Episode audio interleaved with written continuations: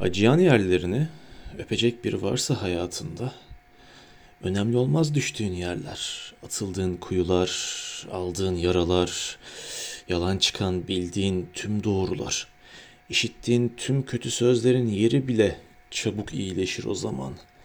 Nasihat etmeden, küçümsemeden dinleyen, anlatırken bile geçecekmiş gibi gelen, yuva sıcaklığında bakışlarıyla içini ısıtan, seni olduğun gibi kabul eden, değiştirmeye çalışmayan, istediği kalıplara uymasan da seni sevmekten vazgeçmeyen biri varsa eğer, korkma incinmekten. Bırak sıyrıklar olsun dizlerinde. Öper ve geçer.